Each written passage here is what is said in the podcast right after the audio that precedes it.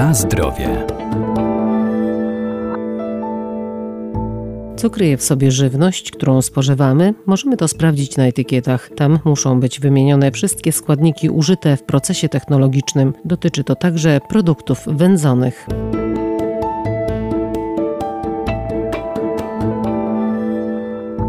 Wędzenie to tradycyjna metoda konserwacji artykułów spożywczych, m.in. mięsa i przetworów mięsnych, ale spożywanie nadmiernej ilości wędzonek czy też mocno uwędzonych produktów może niekorzystnie wpływać na nasze zdrowie. Podczas spalania drewna na produktach wędzonych odkładają się substancje smoliste z grupy wielopierścieniowych węglowodorów aromatycznych tzw. Tak WWA, m.in. rakotwórczy benzoapiren. Dlatego taka metoda konserwowania powinna być przeprowadzona właściwie. Wędzenie jest specyficzną formą obróbki prowadzoną w stosunku do mięsa i nie tylko mięsa, bo również na przykład nabiału, polega przede wszystkim na oddziaływaniu składników, które są w dymie wędzarniczym, ale również oddziaływanie ciepła. Dr Dariusz Stasiak, Wydział Nauk o Żywności i Biotechnologii Uniwersytetu Przyrodniczego w Lublinie. Czym jest dym wędzarniczy? To na pewno nie jest łatwo wyjaśnić. Jest to mieszanina zarówno gazów, jak i par cieczy, tworzących aerozole, jak również cząstek stałych. Dość złożona na tyle, że do tej pory pory naukowcom nie udało się jeszcze nawet ustalić pełnego składu dymu węzarniczego. Poza tym mało prawdopodobne by się to udało zawsze do końca, ponieważ skład dymu węzarniczego w dużej mierze zależy od parametrów, w jakich ten dym się wytwarza. Zależy od rodzaju drewna. Jest to podstawowe kryterium decydujące o barwie wyrobu, smaku, zapachu, o smakowitości samego wyrobu. To drewno decyduje przede wszystkim o tym, jak smaczny jest wyrób, ale również w jakich warunkach odbywa się spalanie tego drewna, bo jeśli zachowamy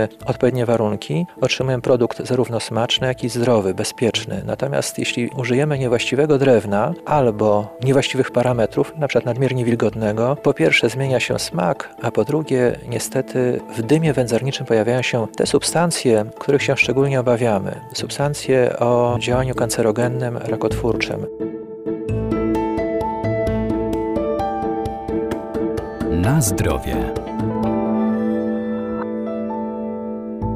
Jakie zatem wybierać produkty wędzone, by były bezpieczne? W trosce o bezpieczeństwo żywności podejmowanych jest wiele działań. Między innymi stanowione są przepisy, które coraz bardziej rygorystycznie podchodzą do kwestii wędzenia, zwłaszcza w aspekcie tzw. Tak węglowodorów wielopierścieniowych, związków, które mają udowodnione działanie rakotwórcze. To, czy produkt jest bezpieczny, czy stwarza zagrożenie, to jest w ogóle pojęcie bardzo względne, ponieważ trzeba przyjąć, że wszystkie produkty, które są na rynku, które są dopuszczone do obrotu, które są w sklepie, są to produkty bezpieczne, a zatem nie stwarzają zagrożenia dla zdrowia. Zatem nie powinniśmy się ich obawiać. I w czym leży ryzyko? Ryzyko leży w tym, ile my tego spożywamy, jakie produkty wybieramy. Trzeba sobie wyraźnie powiedzieć, produkty przemysłowe, które kupujemy najczęściej jako Polacy, zwykle spełniają bardzo rygorystyczne wymagania w zakresie bezpieczeństwa żywności związanego z występowaniem związków wielopierścieniowych węglowodorów aromatycznych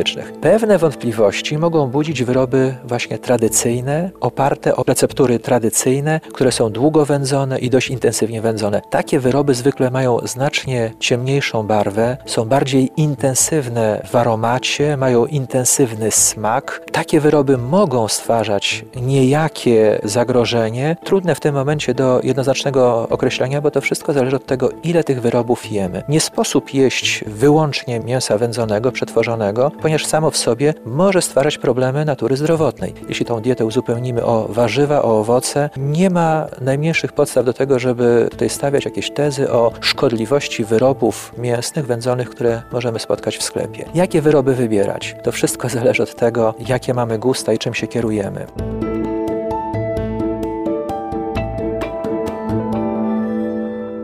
Przy zakupie gotowych wędlin warto dokładnie im się przyjrzeć i unikać żywności bardzo mocno wędzonej, a jeżeli żywność okaże się nieświeża lub niezgodna z tym, co deklaruje na opakowaniu producent, zawsze przysługuje nam prawo do reklamacji. Składamy ją u sprzedawcy, a wszelkie nieprawidłowości co do jakości produktu lub jego oznakowania możemy też zgłosić do Inspekcji Jakości Handlowej Artykułów Rolno-Spożywczych.